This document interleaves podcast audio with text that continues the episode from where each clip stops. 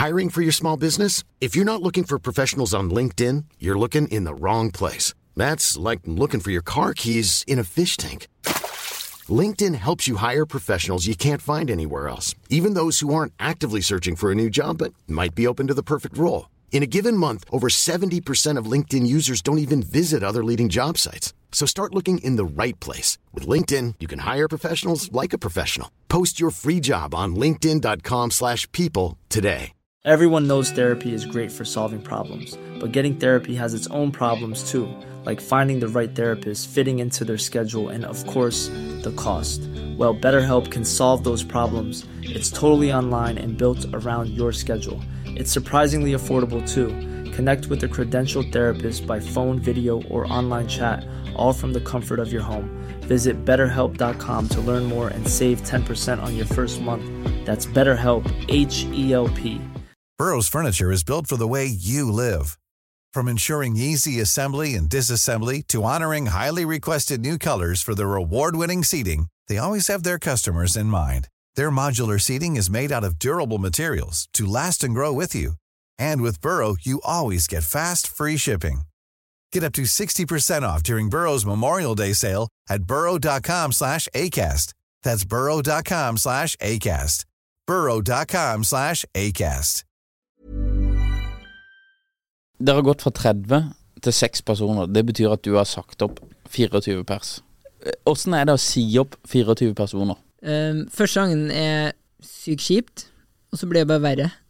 Ta en prat, sånn som vi sitter face to face, og bare si sorry, men nå kan ikke du være med lenger. Det er sykt kjipt. Og så tror man at neste gang blir bedre, men det blir ikke noe bedre.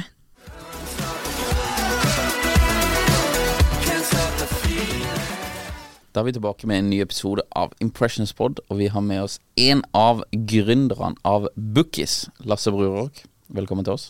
Hallo, og tusen takk for det. Veldig stas å ha deg her. 37 år fra Ranheim oppe i Trøndelag, og du er Chief Operating Officer i Bookies. Du har jo vært eh, syv år i militæret. Åssen føles det å ha en eh, offisertittel eh, utenfor militæret? Ja, det føles bra, altså. Ja. Det, nei, det um, Det har jeg faktisk aldri tenkt over eh, før nå. Nei. Men når du spør, så føles det bra. Ja. Det gjør det, for jeg likte å være offiser. Ja. Så da Og jeg liker jo å være eh, eh, COO, Mm. så ja, det føles bra. Ja. det er. Ja, det er COO. Chief Operating Officer. Det er det det står for. Yes. Ja, stemmer. Så det er operasjonsmanager, da, eller hva? hva? Hva er et norsk ord for dette her? Tror jeg kanskje driftssjef eller ansvar for drifta. Ja. Ja. Ja. Eh, kan du fortelle oss litt om Bookies, og hvorfor dere starta dette her for syv år siden? Så lenge siden, ja. Jeg mener det er 2016, hvis ikke er Ja, vi, helt feil. vi stifta det i 2016, men Ja. så, så lanserte vi Bookies sånn eh, desember 2017, da. Mm. Eh, men det ble starta som Jeg tror mange selskaper startes eh, på måten her, det at man har et selvopplevd problem. Mm. Og mm, så blir man veldig frustrert, kjenner det veldig på kroppen at det her Altså, det må jo være enklere, og det må jo være en måte å løse det her på. Så gjør man litt research, og så finner man ut at nei, det er ingen som har eh, tatt tak i det her. Og så gjør man litt mer research, så ser man men det er jo mange som opplever det samme problemet. Og så har man et selskap. Og i vårt tilfelle så var det mm, min medgründer Arne Morten, som jeg møtte i militæret. Mm. Vi gikk på befalsskolen sammen, ble godt kjent der. Han stakk til Seattle og studerte. Og der har de eh, noe som heter Amazon, som eh, funker veldig bra for bl.a. blant annet å kjøpe bøker. Og så kom han hjem etter en studie, starta som økonomisjef, skulle kjøpe seg årsregnskapboka, og for det første var jeg sånn Hæ, koster den over 1000 spenn? Det var jo det første. Og nummer to var Men da kan jeg bare kjøpe en brukt. Og den reisen fra at den gikk for å prøve å finne den rimeligere, da, som da vil si brukt, til at den faktisk fikk en Altså, den Det var en utrolig eh, tungvint og forferdelig opplevelse. Mm. Så fortalte han historien til meg, og, og, og så begynte eh, han først å gjøre research, og så begynte vi begge å research, og da var det bare sånn hm, her er det mulig, mulighet til å skape noe.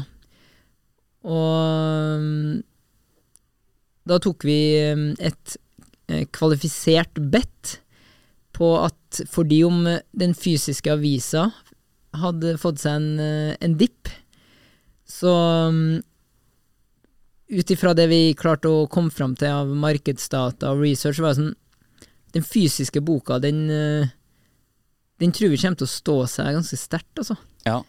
Og så var det nå bare å starte selskapet, da. Så du har ikke en Kindle selv? Er ikke en Kindle. Nei. Eh, så Bookis det er jo en eh, da, Kort fortalt så er det en formidler av bøker. Det er, det er en markedsplass for å selge brukte bøker. Mm. Kjøp og selg brukte bøker. Fysiske bøker. Ja, fysiske bøker. Eh, hvorfor dekker ikke finn.no dette markedet? Eller hva, hvorfor, hvorfor trenger du en egen tjeneste utover Finn? Ja, det, det her er utrolig spennende tema du går inn på, for um, Finn Torget har jo blitt en generalist. Altså der Jeg tipper at hvis du velger ut 100 kategorier eller varer, så er det veldig stor sannsynlighet for at du finner på Finn. Mm. Genialt navn, by the way. Finn. Um, problemet med det, eller fordelen med det, er at du har et stort utvalg, og du kan få inn kunder uh, innenfor forskjellige um, kategorier, og på en måte få dem til å begynne å se på en bil, se på en uh, Sonos-høyttaler, se på en sykkel. Ja. Men problemet er at som generalist så klarer du ikke å, å spisse deg og dykke dypt nok i verdiløftene. Og du kan sammenligne litt med at uh, Finn Torget er jo, um, er jo en, uh, et gatekjøkken som tilbyr pasta, pizza, hamburger eh, De har asia... Altså, de har alt. Mm. Så hvis du har lyst til å bli mett, så kan du gå dit. Men hvis du har lyst på en ordentlig god opplevelse, så går du på en burger joint eller på en ren pizzaplass. De har eh, spissa seg, så det betyr at de mister jo en del kunder, fordi de tilbyr jo ikke pasta på en, eh, den pizzaplassen.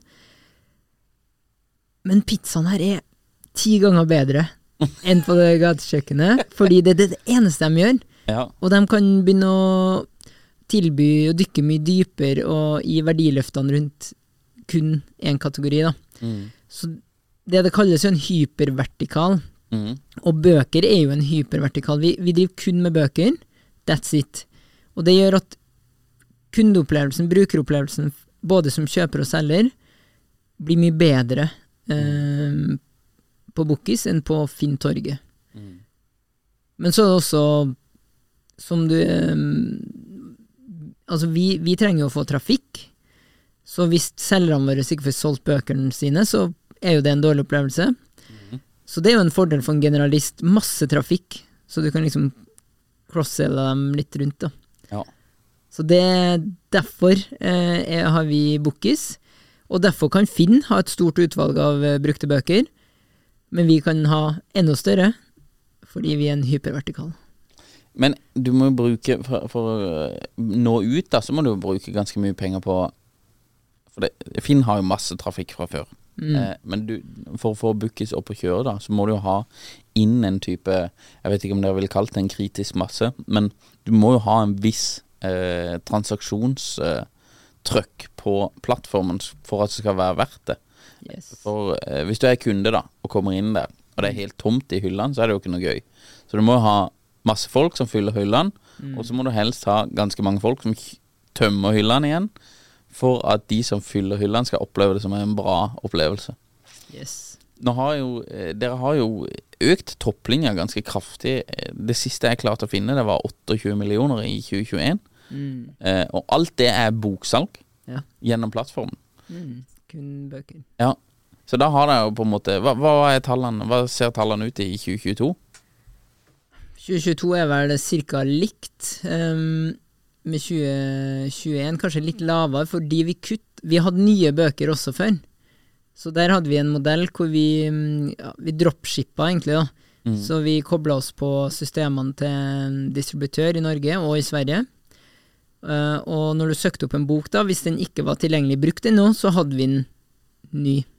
Ja. Hypotesen var jo at vi ville mm, få inn eh, Altså kjøpe nye bøker opplevdes akkurat som å kjøpe en annen nettbokhandel. Mm. Men når vi først fikk deg inn, så skulle vi cross, eh, altså cross-selge deg over til å selge inn boka, begynne å kjøpe brukt. Um, men til slutt så så vi at um, det var en så liten andel av bøkene som var ny. Vi snakker 1-2% av bøkene som ble solgt, var ny. Og da skulle man jo tenke at tida vi bruker på nye bøker, var også 1-2% Ja. Det var ikke det. Nei. Så da tok vi beslutninga, vet du hva, nå kjører vi kun brukte bøker. Mye lettere å kommunisere.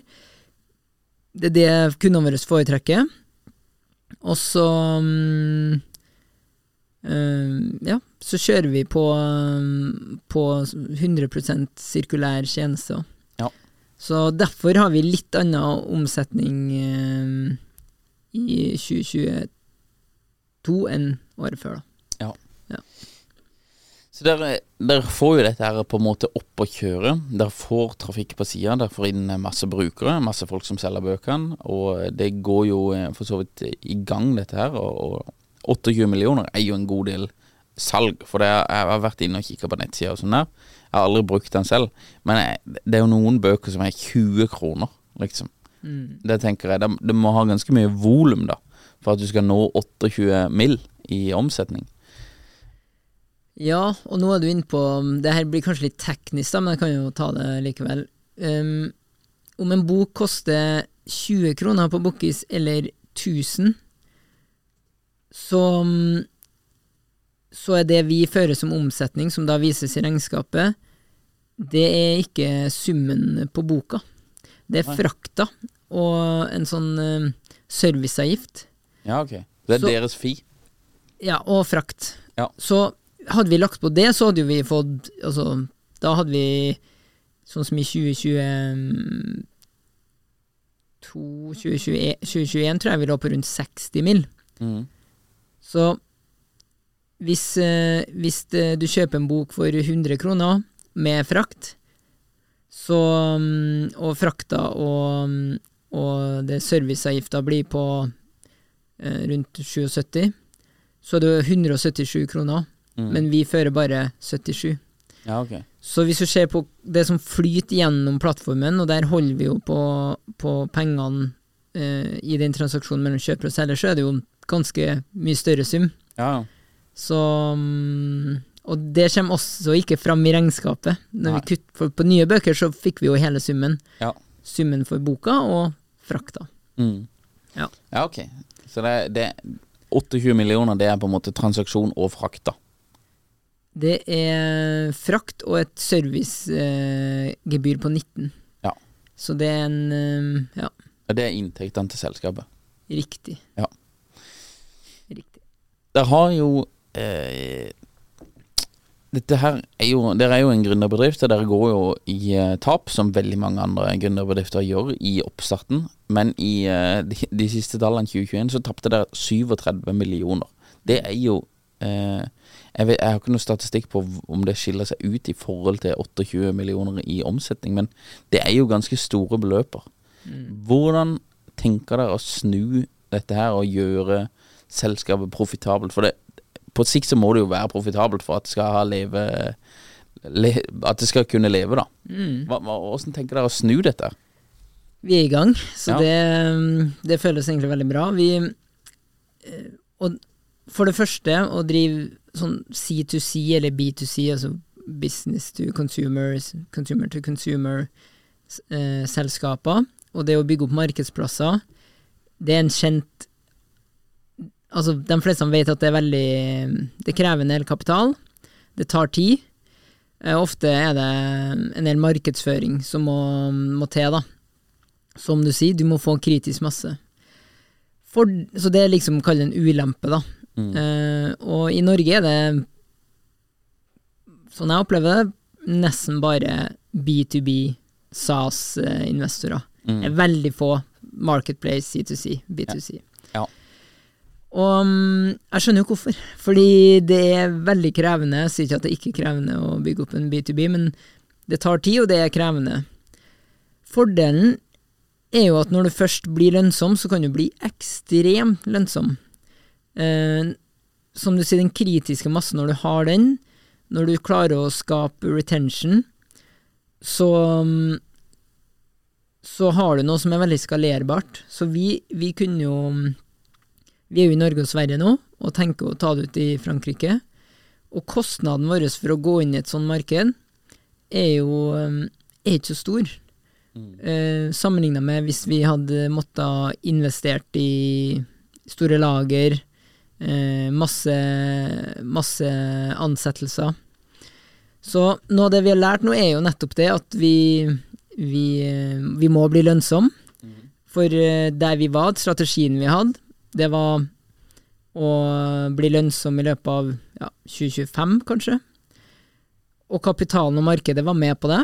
Eh, men så mm, snudde markedet veldig fort. Mm. Eh, selvfølgelig hadde vi vært et sykt bra og enda mer spennende selskap, så hadde vi nok fått kapital. Mm.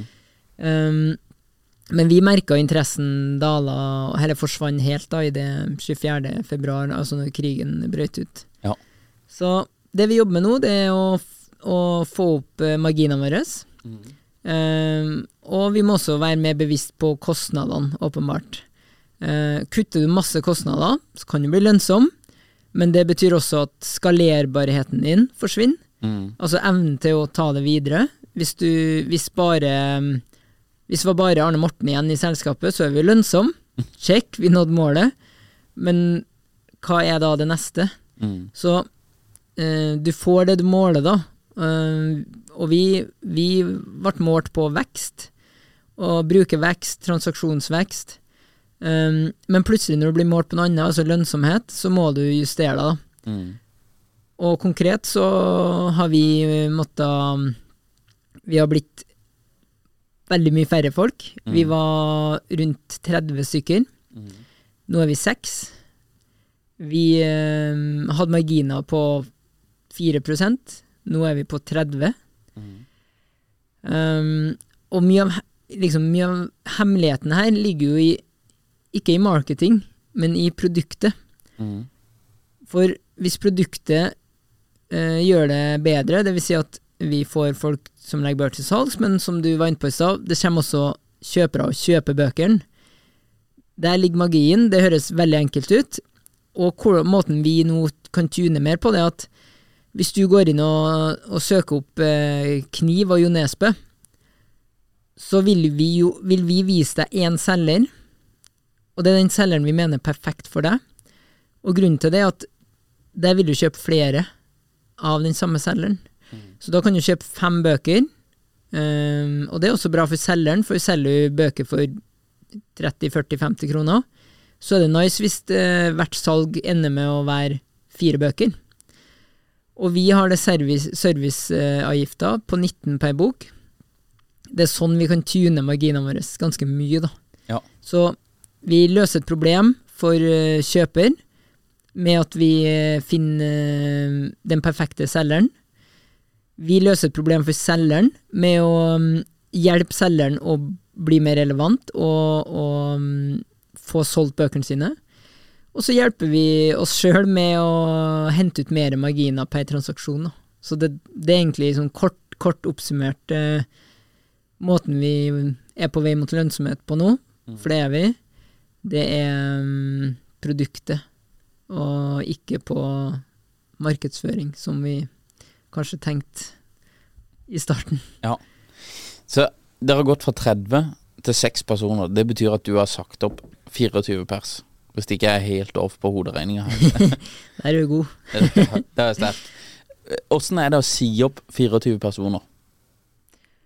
Um, første gangen er sykt kjipt, og så blir det bare verre. Ja.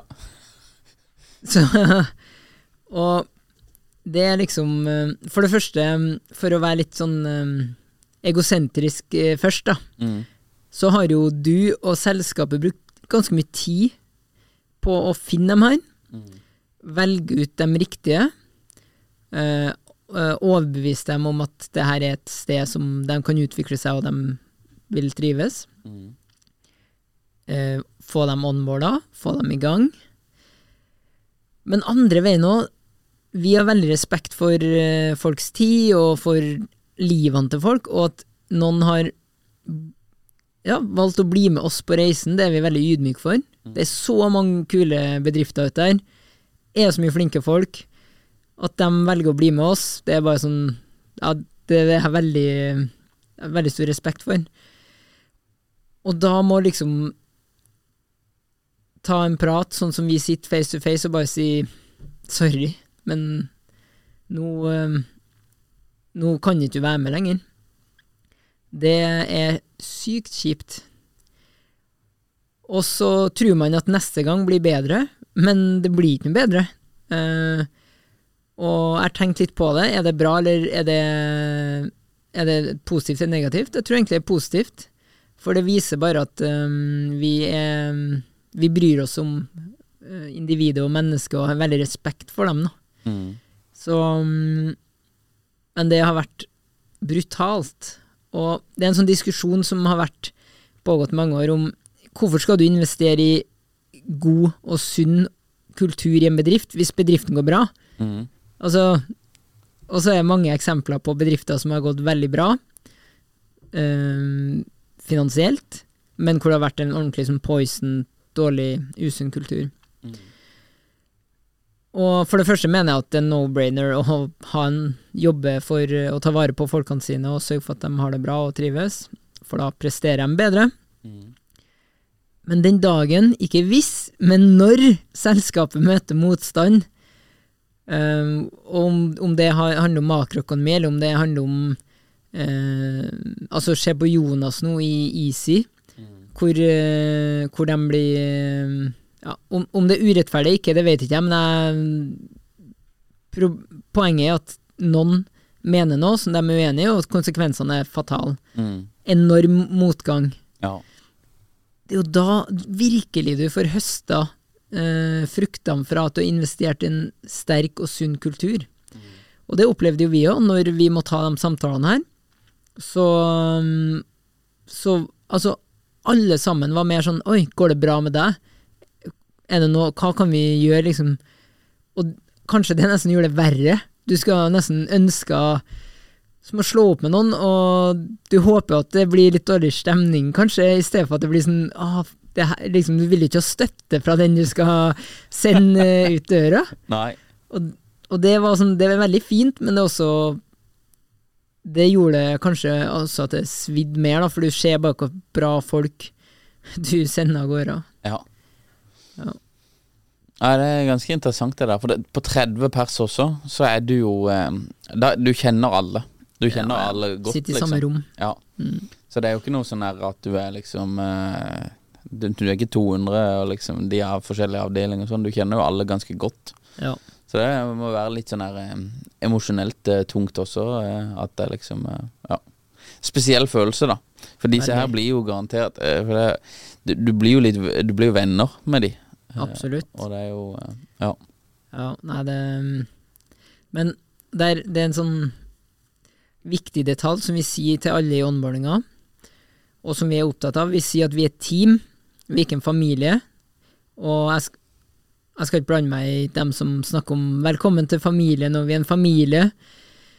Men det er en, det er en veldig viktig avklaring, for um, jeg vil aldri ehm, sagt opp familien min. Vil du skjønne? Nei. familien min, vi backer hverandre, enten vi vil eller ikke, men det er noe helt annet enn en bedrift. Mm. Og hvis du ikke presterer i familien, så er det ikke sånn at du ikke får være med i familien lenger.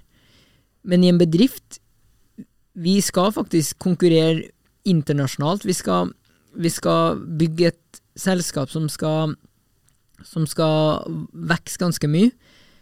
Hvis du ikke presterer, da, hvis du ikke leverer, så kan du faktisk ikke være med, samme hvor bra og sterk og sunn kultur vi har. Så, så det er en sånn viktig forventningsavklaring som vi har brukt mye tid på i rekrutteringa, i stedet for å selge oss sjøl som noe vi ikke er, så er vi brutalt ærlige. Sånn her er det. Vi prøver å male et så realistisk bilde som mulig. Og vi har også en sånn eh, session hvor øh, den som er i prosess med oss, eh, ringe eller møte eh, ansatte og ask them anything. Altså hva er liksom hva, er, hva er det som ikke er bra her? Mm. Og så kan det godt hende vi mister noen på veien da, men da har vi jo spart oss ganske mye tid, da. For da slapp vi at den personen forsvant etter noen måneder eller et halvt år. Mm. Så viktig forskjell. Vi i Bookis er et team, vi er ikke noe familie. Nei. Så du mener eh, disse her som For det er jo noen eh, Jeg husker Jeg har ikke lest så godt på han der eh, i- eh, Easy-gründeren eh, He- Helmik Støl. Men han hadde jo De hadde noen sånne kjærlighetsgreier, og Ja. jeg har sett at det har vært en del Chiefs, Chief Love Officer, tror jeg. Ja, Chief Love Officer. Ja. En- Burde man ha det i en bedrift, eller er det liksom greit å holde på hjemmebane? Eh, Nå må jeg innrømme, jeg har ikke satt meg Jeg kjenner Jonas litt, så jeg har sett på en måte det culture-dekket deres, og, og nå er det veldig lett at all fokuset er at de må si opp masse, og at de eh, har problemer, men tenk den reisen de hadde fram til da. Ja, Og- de og- er, Lønnsom som ingen andre, liksom. det er jo sort-hvitt det der de har går og holder på med nå. Det er liksom sinnssyk reise opp, og så kjempereise ned, og så ser det ut som nå, eller det går i hvert fall litt nedover nå, da. Ja, og det er jo ikke noe rart når du ikke får lov å selge produktene dine. Nei. Men, men um, Jonas og Easy-gjengen syns jeg er kjempestore forbilder på hvordan et selskap som er stort, og som vokser vel, Altså, det å vokse er vanskelig, altså. Ja, ja. Um, klarer å ta vare på den øh, ja, kjærligheten og kulturen. Men der òg er det sånn at hvis du ikke leverer, hvis du ikke presterer, så er det som i som et fotballag. Du kan være en jævlig bra person, men det hjelper ikke hvis du, hvis du ikke klarer å gjøre jobben din på banen. Nei. Altså, sånn er det også i, i, i en bedrift. Ja. Nei, det, for det, det, det må jo så Den rakettveksten som de har hatt også Hvis du har på en måte en kultur da og skal bygge en kultur For jo flere folk du får inn på en måte. Det er nesten som å lage Du hiver mer vann opp i bøtta Mm. Du må sørge for at det vannet er i samme temperaturen da. Så du må jobbe veldig hele tida Ja, Hvis du da skal doble eksempel staffen da Det er utfordrende å holde Eller klare å maintaine den kulturen som du ønsker å sette da. Ja, det, Eh, for du får inn så mye nye ja, som du må på en måte konvertere, da, eller eh, hva du skal kalle det. da. Ja, nei, det, det er veldig vanskelig å Jeg har veldig respekt for alle som, eh, som har scala såpass eh, med fortsatt eh, en sunn kultur. Ja. Og så er det klart, når Mom deserves the best, and there's no better place to shop for Mother's Day than Whole Foods Market. They're your destination for unbeatable savings, from premium gifts to show-stopping flowers and irresistible desserts. Start by saving 33% with Prime on all body care and candles. Then get a 15-stem bunch of tulips for just $9.99 each with Prime. Round out Mom's menu with festive rosé, irresistible berry chantilly cake, and more special treats. Come celebrate Mother's Day at Whole Foods Market. I'm Sandra, and I'm just the professional your small business was looking for. But you didn't hire me because you didn't use LinkedIn jobs. LinkedIn has professionals you can't find anywhere else, including those who aren't actively looking for a new job but might be open to the perfect role, like me. In a given month, over 70% of LinkedIn users don't visit other leading job sites. So if you're not looking on LinkedIn, you'll miss out on great candidates like Sandra. Start hiring professionals like a professional. Post your free job on linkedin.com/people slash people today. Selvfølgelig får man feilansettelser, selvfølgelig blir det konflikter, altså det er et stort selskap. Men um, alt i alt så kanskje, kanskje får vi se en ny Apple-historie med Easy. Det better jeg på, oss. Tror du det? Ja, ja, de, altså, de er kjempeflinke, og det viktigste er jo um, hvordan du tar ting. Mhm. Altså, det skjer kjipe ting med deg, sånn er det å leve.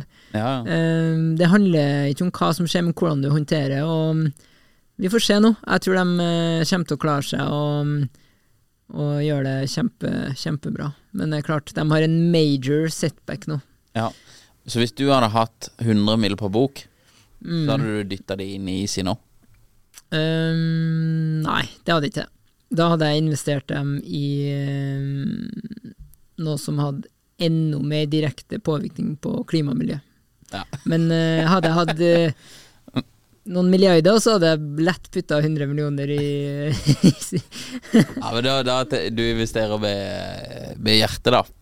I forhold Nei, til klima. Jeg investerer jo fordi du vil ha avkastning, så, Ja. men uh, jeg investerer i framtida, det Ja. gjør jeg. Og um, avkastning kan være kapital, og avkastning kan være energi, og avkastning kan være at du gjør verden til et bedre sted, så ja, sånn sett har du rett. Ja. Hjertet, hjertet er viktig. Ja. Nei, men det er litt spennende. altså. Det er jo, det er jo iallfall interessant å, eh, å følge det som skjer der inne i eh, Stavanger-Sandnes. Altså. Jeg jeg har veldig lyst til å ha Jonas på podden. Han har vært eh, sinnssykt spennende å prate med, bare. Det bør du absolutt ha. Ja. Um, tilbake til Bookies. Eh, dere på en måte Det er jo eh, Dette her er jo et eh, AS, så eh, dere er jo ute etter å tjene penger. Eh, det er på en måte ja, ganske tydelig.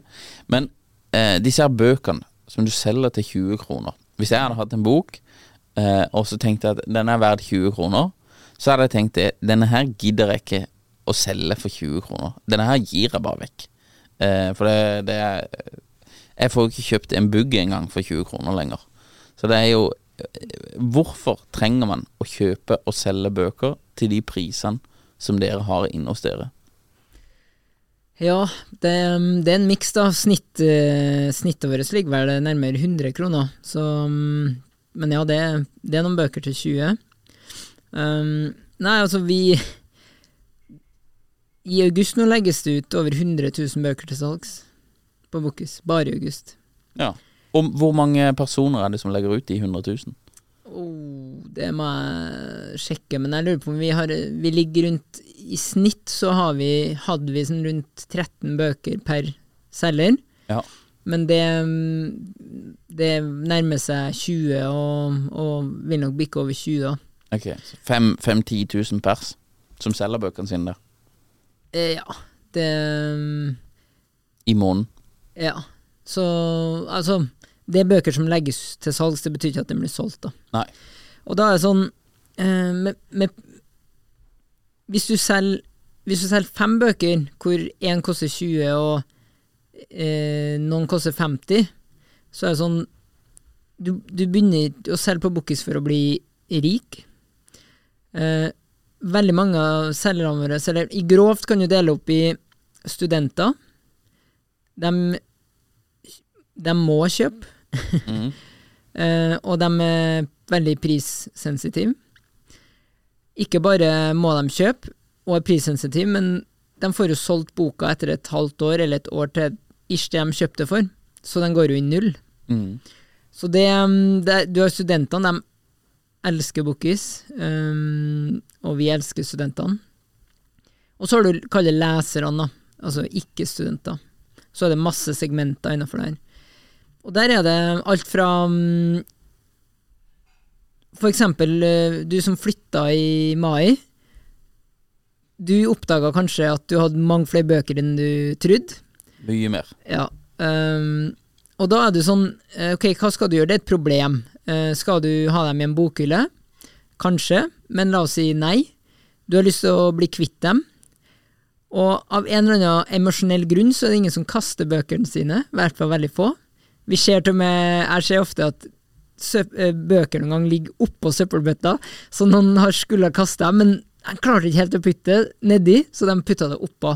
Så det, det er et eller annet som gjør at vi Fordi vi vil kvitte oss med dem, så vil vi liksom ikke kaste dem, for de, Du har kanskje hatt dem i fem-ti år, men de, ser, de er jo som nye. Og da er det enten så legger du det ut på Bookis, og da er du helt ok med at det kan ta litt tid å selge. Um, ellers så um, ønsker jeg å kvitte deg med med en gang, og da ender jeg kanskje opp med å gis bort. Kanskje det går til Fretex, kanskje du går inn med en, eh, en eh, bruktbokhandel eller antikvariat. Så brukerne våre de eh, laster gjerne opp en del bøker, ofte som står i bokhylla, for de vil ha sirkulasjon. Og mm, det er jo det vi jo vil ha. Um, før sa vi alltid bø bøker bør leses, ikke lagres. Um, det slutta jeg med, så jeg skjønner ikke hvorfor jeg sier noe. Vi fikk kjeft av masse bokelskere, for jeg var sånn Hæ? Selvfølgelig skal ikke jeg sende bort bøkene mine, de skal stå i bokhylla, så skal jeg lese den en gang til senere. Så her er igjen masse segmenter, men det viser seg at um, veldig mange um, har bøker hjem som de er villige til å selge. Mm. Noen vil ha bedre plass i bokhylla. Noen vil ha bort bokhylla. Um, altså masse forskjellige problemer som vi løser, men det viktigste for oss er jo at vi får sirkulasjon i bokhylla i produkter som kan være 20 år gammelt, men se helt nytt ut. Mm. Og um, det er litt tilbake til det du snakka om i starten, chicken and egg problem. Eh, hva skal du ha først? Utvalg eller eh, altså supply eller demand? Og um, hva er det du skal bygge opp? Og vi har lykkes veldig med supply, altså at folk legger bøker til salgs. Mm. Eh, og grunnen til det er at vi har gjort det så enkelt. Igjen, vi, vi har dykka dypere i verdiløftene enn f.eks. Finn, og skreddersydd skreddersydd en opplevelse rundt boka. da. Så til oss så skanner du bare strekkoden på boka. Alle bøker etter 1972 og sånn har en unik strekkode. Får opp all metadata, skriver bare inn pris og tilstand, som vi hjelper deg med. That's it. Altså det kan ta fem sekunder å legge ut en bok til salgs, da. Så da har vi eh, Fordi om snittet er rundt eh, 13-14 bøker per, eh, per selger, så har vi selgere som har over 10 000 bøker, som har skanna én og én bok. Så um, vi har noen Det er vel det som vi kan kalle superselgere, Ja. som har masse bøker til salgs. Heroin på den tida der ved å skanne alle de bøkene kan jo ikke være god. Jeg vet ikke, de, gjør, de driver nå på fortsatt, da. Og um, de, hvis du får masse bøker gratis, Ja. og selger bøker for 100 000 i året på Bookista, og syns det er en fin ting å gjøre, det er jo helt nydelig. Ja, ja. Det er vinn-vinn. Ja, det er vinn-vinn. Det er vinn-vinn. Nei, ok. Da skjønner vi litt mer av Men studentene er en stor, eh, en stor kundegruppe. Kjøper for det. Der er det jo et eh, Der går jo veldig mange av bøkene eh, år etter år, da. Og de er jo like fine ofte. Jeg husker også jeg kjøpte når jeg gikk på BI, så kjøpte jeg helt nye bøker. Ja. Og jeg, jeg husker jeg var sjokkert over hvor dyrt det var, altså. Det var Ja. tusenvis av kroner, altså, på dette her. Og så leser du de én gang, og så er det sånn De er jo ikke wrecked, på en måte. De er jo helt fine. Og det står jo akkurat det samme til neste eh, kull, liksom. Ja. Så der er det jo eh, Ja. Jeg husker noen begynte å selge de bøkene igjen. Til prøver Men det var litt sånn vanskelig å komme ja, Hvor er de nye studentene? Hvilke bøker skal de ha? Skal de bytte én eller to bøker fra pensum og så videre? Og der er inne på noe Studentene, for det første, de business-wise, så er de jo De er jo på Bookis bare to ganger i året. Ja. Er august og januar. Ja. Um, så derfor um, er de veldig bra i de to månedene, men ellers er det ganske rolig, da. Ja. Og det vi ser med Bookis, er at vi klarte å få bøker til å flyte mellom eh, skoler og byer. Mm. Hvor man, som du er inne på, før stort sett møttes på skolen. Det gjør man jo ennå. Uh, Så er det jo samme for deg hvor du kjøper boka fra nå. Mm. Om den blir sendt fra øh, samme by eller øh, en helt annen del av landet, spiller veldig liten rolle for deg. Det går ganske raskt. Ja. Så mm, det syns vi er kult, at vi har liksom klart å skape den liksom at bøker sirkulerer mer. Og så er det um, kult å se at eh, de partnerne som jobber med distribusjon nå også, jo- jobber og kommer langt når det gjelder nullutslipp, da. Ja. Så det For det er jo sånn her Det virker jo som det er jo um, Det ligger litt mellom linjene her at dette her er jo miljøvennlig også. mm, eh, Hele opplegget. Er, er selskapet startet med eh, miljøhensyn, eller er det liksom kommer bare Det er bare en sideeffekt av drive Bookis? Det viktigste grunnen til at det ble starta, var et problem som gikk på på en måte markedet. Um, men vi Og vi var ikke så opptatt av miljø da, men så har vi blitt det. Mm. Jeg leste ikke så mye heller, jeg, når vi starta Bookis. Mamma var sånn 'hæ, hva skal du begynne med bøker', hvorfor det? Du leser ikke bøker engang. Men vi, det har utvikla seg til at vi um, Eller Arne Morten har lest mye hele veien nå, men at jeg har begynt å lese masse bøker. Og um, at eh, vi har blitt veldig opptatt av klima og miljø. Og det ser vi på dem vi tiltrekker oss også. Mm. At eh, de har lyst til å komme hjem fra jobb, se seg i speilet og bare ok, i dag gjorde jeg noe som eh, Altså, jeg brukte tid på jobben og skapte noe som gjør at verden blir til et litt bedre sted. Høres sykt klisjé ut, men det tror jeg bare blir enda viktigere eh, going forward nå. Ja, enig. La oss prate litt om eh, penger. Der, Hey, sure. let's talk about money, Lasse. Nei, eh, dere har henta penger. Eh, dere er jo en startup, så dere har henta penger flere ganger. Dere har jo eh, kjørt crowdfunding nå en runde nå. Har dere eh, kjørt crowdfunding tidligere? Nei, første gang. Eh, men dere har jo dere har jo det jeg vil kanskje anse som en god miks av investorer. Det har Schibsted, som er kanskje største investoren deres.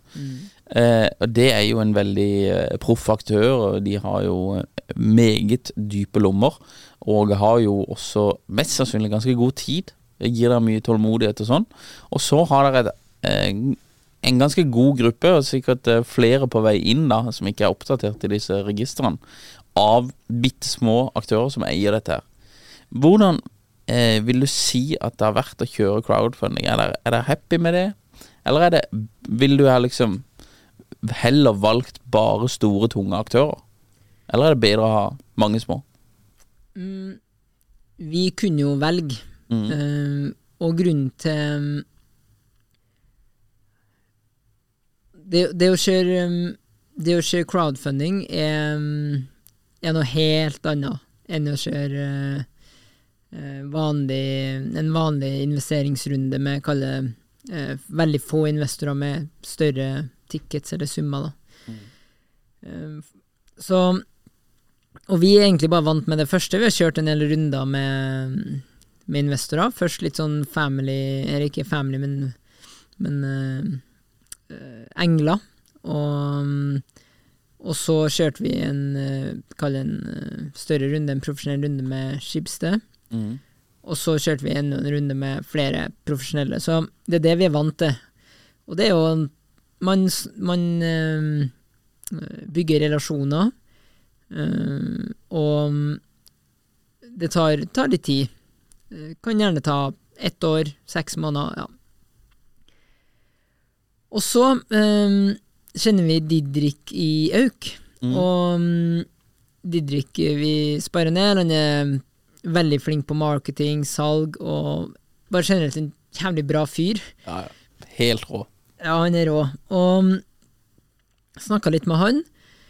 Og der, siden vi nå hadde eh, gått fra å bruke masse på markedsføring, til å bruke null på markedsføring, og gå fra markedsføringsleda selskap til å bli et produktleda. Litt som jeg snakka om i stad. Altså, du, du skal få vekst gjennom at produktet eh, performer eller gjør det bedre, da. Så da endte vi opp med å um, jobbe enda mer med retention, og da så vi liksom Shit, de superbrukerne våre, de er enda viktigere enn vi trodde. Hvis du tenker på um, hva heter det, lov, diffusion of innovation, med mm, innovators, early adapters, eh, early mass, den crossing the chasm, altså kom fra 10 over til mm, tidlig masse i markedet. Mm. Den kjernen først der, den, den, sto, den er så viktig for oss.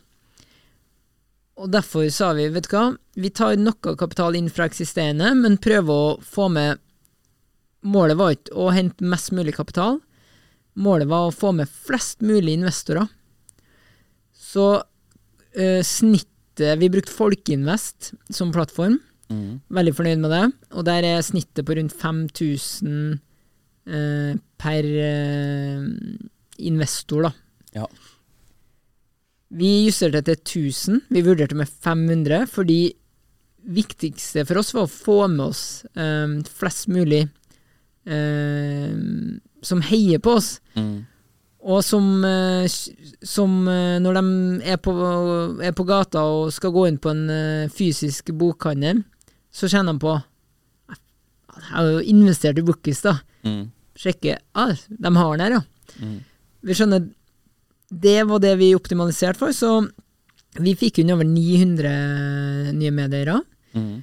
Og mm, vi eh, putta dem i et SPV, da. Eh, Special Purpose Vehicle, tror jeg står for. Det er sånn Kall det et holdingselskap. Så i stedet for at aksjonærlista, captable året ble med 913 nye navn, Mm. så står det ett selskap hvor alle dem er putta inn i.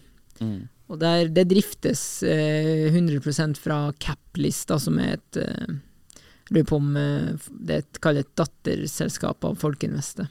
Ja, ok. Så, så for oss var en forutsetning for å kjøre folkeinvestering at vi kunne putte i et sånn SPV. Um, og nummer to var at vi optimaliserte for å få flest mulig nye medeiere. Mm. Og juli ble uh, Og jeg bare skyter inn det, ja, vanligvis så kjører man jo en prosessen her på seks måneder. Folken, og når jeg snakka med Didrik, så sa han bare Kødder eller? Dere skal hjelpe en måned. Mm. Men det gikk bra, og grunnen til det er jo at vi mm, fikk eh, så mye hjelp, og de heiv seg rundt fra Folkeinvest sin side. Så veldig anbefales eh, veldig. Så da lukka vi en runde, og så fikk vi noen av eksisterende til å ta valideringskapitalen. Ja. Vi, vi gründerne gikk også inn med en liten ticket for å vise at eh, eh, det her er ikke noe sånn Altså, vi Det her er for, for å få inn masse nye medier. Det er bookies for life. Ja, det er i hvert fall bookies for long time. Jeg skal aldri si eh, aldri, men vi, vi er inn hit, eh, så vi gikk også inn med kapital. da. Ja. Hvor mye var det henta? 4,2. Ja. Mm. Happy med det? Ja, veldig. Vi, vi, må, vi hadde minstemål på fire. Og vi kunne vanligvis ha man en, en eh, periode på to uker hvor man henter inn kapital. Vi bare satte den til en uke. Eh, fordi vi Det var ikke så viktig for oss å komme til seks. Det viktigste for oss var å få inn flest mulig medeiere. Ja, og det, mm, det gjorde vi. Ja, 900, det er ganske mye. Mange. Og det er så kult å se gjennom eh, eh, aksjonærlista, bare litt sånn, ta sånn stikkprøver. Eh, det er så mye råe folk der, da. Så noen er sånn Ja, jeg har aldri investert før. Jeg har så vidt vært på, på internett. Til um, profesjonelle investorer. Um, så nei, det var Men ja, det er en del arbeid. Det kan jeg si, men det er det også i en eh, vanlig runde hvor det er forhandlinger og Ja, det er Funding Samme hva type funding du kjører, er stort sett ganske mye arbeid, i hvert fall vår erfaring. da. Ja, det er jeg enig i. Det er jeg enig i. Nei, hvis Jonas er Norges Steve Jobs, så er Didrik Dimmen Norges Elon Musk. Nei, Didrik eh, Jeg sa til en Du tar backflip òg, liksom. Hvem, hvem er det? Han er så rå. Er det du- er det du er mest imponert med over han? Altså, har du prøvd å ta backflip på bakken, eller? Det, Det det, ja, men han er spretten, altså. Ja, han han er- ekstremt spretten. Shout-out til Didrik, altså. Han er skikkelig rå. Auk, det kommer til å bli så gigantisk. Det tror jeg, altså. Det kommer til å bli eh, Det kommer til å bli så sinnssykt svært, altså. Men det er mye Mye har med dimmen å gjøre, altså. Han er bare Ja. Nå tenkte jeg da, nå skal han ut igjen.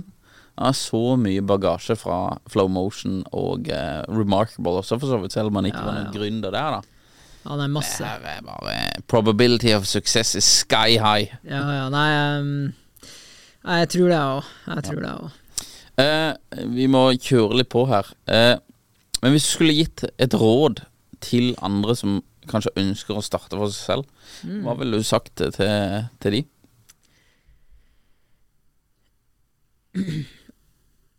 Jeg tror Og det her er kanskje som å vokse opp med søsken og uten søsken, så du vet nå bare det er å vokse opp med søsken, så det er nå det jeg foretrekker. Eh, Men det å ha en medgründer, det er Det har vært eh, Ja, det anbefaler jeg virkelig. Mm. Virkelig. Og heller ha en for mye enn en for lite, og løse det med gode aksjonæravtaler.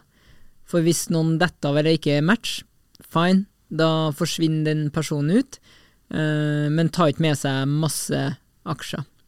Så det å starte sammen med noen, det, mm, det tror jeg er mitt tips nummer én. Og så er det alltid så nice når man har muligheten, så kan man legge på tips nummer to, og det er åpenbart å finne ut om det løser et problem. Ja. Og um, vi har jo um, Vi har gjort oss masse erfaringer, men um, ja, virkelig start med noen uh, som utfyller deg og har egenskaper og skills som du ikke har.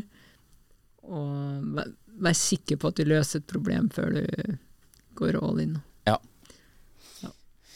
Vi skulle Nå har du begynt å lese en del bok, bøker, og du er jo Mm. åpenbart eh, på en måte eh, opptatt av å utvikle deg selv, også som person. Eh, hva er en bok du ville ha anbefalt unge gründere å lese?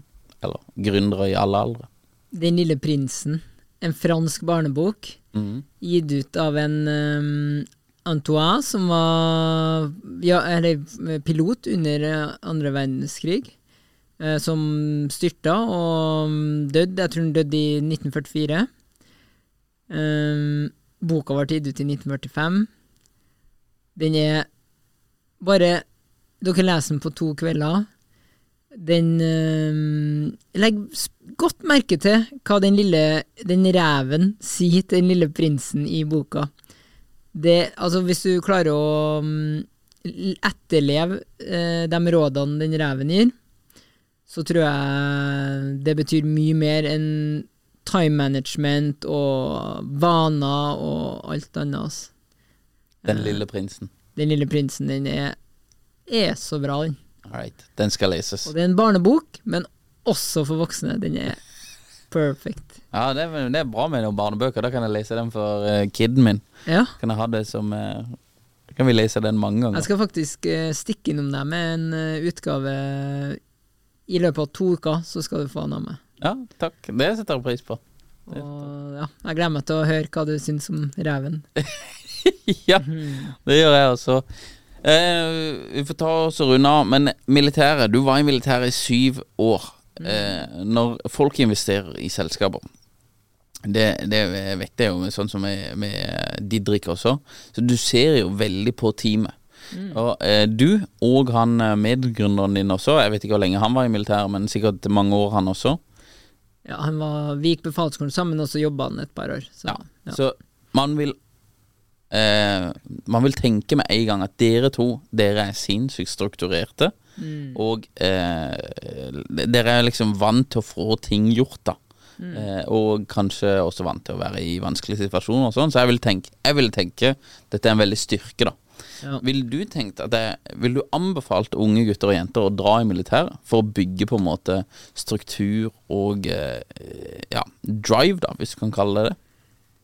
Jeg ville anbefalt alle å dra i militæret. Og mm, nå, det er klart, det har vært en, eh, en del hendelser som har dukka opp. eh, men jeg skal ikke dykke for mye på det. Men når du får inn 10 000 eh, soldater, så får du basically inn et utvalg av samfunnet.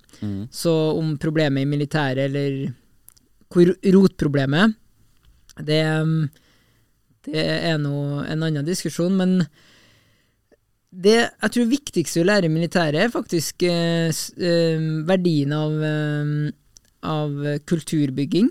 Mm. Så tenk, tenk deg, eh, jeg jobba i Hæren da, tenk deg en arbeidsplass hvor man er villig til å ofre livet sitt for hverandre. Mm. Jeg vet ikke hva det er mellom dere to inne i ikke her. men close. Dere er close. Altså, den, det, er så Jeg er helt det er så ekstremt, da. Håper ikke jeg har satt i gang noe dårlig Han bare. Nei, men det, altså, det er så Du har en så sterk kultur.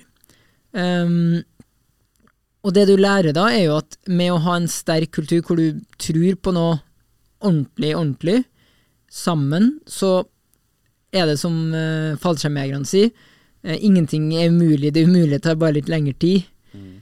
Um, så det er liksom det ene, og um, jeg tror det andre um, man tar med seg, er faktisk uh, mangfoldet. For um, jeg var veldig, kunne være veldig dømmende, og dømme folk basert på hva man gikk i. Um, og set, var veldig rask til å sette folk i bås, så var jeg i førstegangstjenesten. Jeg hadde ikke sett noen i noe annet enn uniform. Altså, eneste du kan dømme folk på, i den grad du skal dømme, Mm. er jo hvordan de er som person. Lite hint. Reven snakker mye om det her. Um, og det å da, når vi var ferdig med rekruttperioden, vi hadde vært en måned eller mer bare i uniform, og se hva de, hva de tok på seg. Altså, det var helt sjokk, og da fikk jeg en sånn hit in the face, bare sånn Ok, du må aldri drive og dømme folk, for du har ikke peiling, liksom. Så det er også en sånn eh, Etter det husker jeg jeg var sånn sykt fan av skoleuniform, og, men det er en sånn kulturen og liksom den At man, eh, man virkelig blir kjent med personen, og ikke Altså, i stedet for å si 'hva jobber du med', så er du opptatt av 'hvem er du', da, og det er kjempeviktig. Mm. Og selvfølgelig er jo Hæren og Forsvaret en stor habit-maskin. Altså, det er jo eneste måten å få det her til å fly. Mm. Folk står opp seks, folk vasker rommet sitt, folk stiller opp da, folk har utstyret klart, folk eh, har smurt mat, eh, folk legger seg elleve. Det er sånn Selvfølgelig er de vanene du lærer deg, eh, kjempeviktig. Men ja, Så anbefalingen er ja. veldig. Altså, jeg, jeg ville anbefalt mine egne barn å dra inn. Lett. Ja. Det liker vi. Nå har vi prata om Jonas, vi har prata om Didrik. Hvem er Norges råeste gründer, utenom de to? Ja, hvis du definerer rå på, på det akrobatiske, så vet vi hvem det er, men jeg syns min medgründer er sjukt rå, Arne Morten. En av dem jeg ser mest opp til i, i livet. Han øh, Vi utfyller hverandre. Vi er ekstremt forskjellige, og det kan være veldig frustrerende for han, og det kan være veldig frustrerende for meg. Men vi har veldig respekt for uh, godfoten til hverandre, og prøver å optimalisere den. Um, men noen ganger er jeg bare sånn Har du bare godfota? Så Arne Morten må jeg bare si Vi er her ennå, vi har vært gjennom veldig mye opp- og nedturer. Men vi er fortsatt kompiser. Vi drar på turer sammen. Og um, vi klarer å være brutalt ærlige med hverandre, så jeg ser veldig opp til han. Og det sier litt, for jeg ser opp til mange norske dyktige gründere, altså. Men jeg Ja. syns Arne Morten, han er Han er sjukt bra og rå. Da tar vi, setter vi punktum der. Arne Morten, shout-out til han, selv om han ikke er her. Og eh, selvfølgelig et, eh, et eh, veldig politisk korrekt svar. Lasse, tusen takk for at du kom. Tusen takk for at du delte. Eh, og eh, masse lykke til med veien videre på dere i Bookies. Tusen takk for at jeg fikk være her, og takk det samme. Even when we're on a budget, we still deserve nice things. Quince is a place to scoop up stunning high-end goods for 50 to 80% less than similar brands. They have buttery soft cashmere sweaters starting at $50, luxurious Italian leather bags, and so much more. Plus, Quince only works with factories that use safe, ethical, and responsible manufacturing. Get the high-end goods you'll love without the high price tag with Quince. Go to quince.com slash style for free shipping and 365-day returns.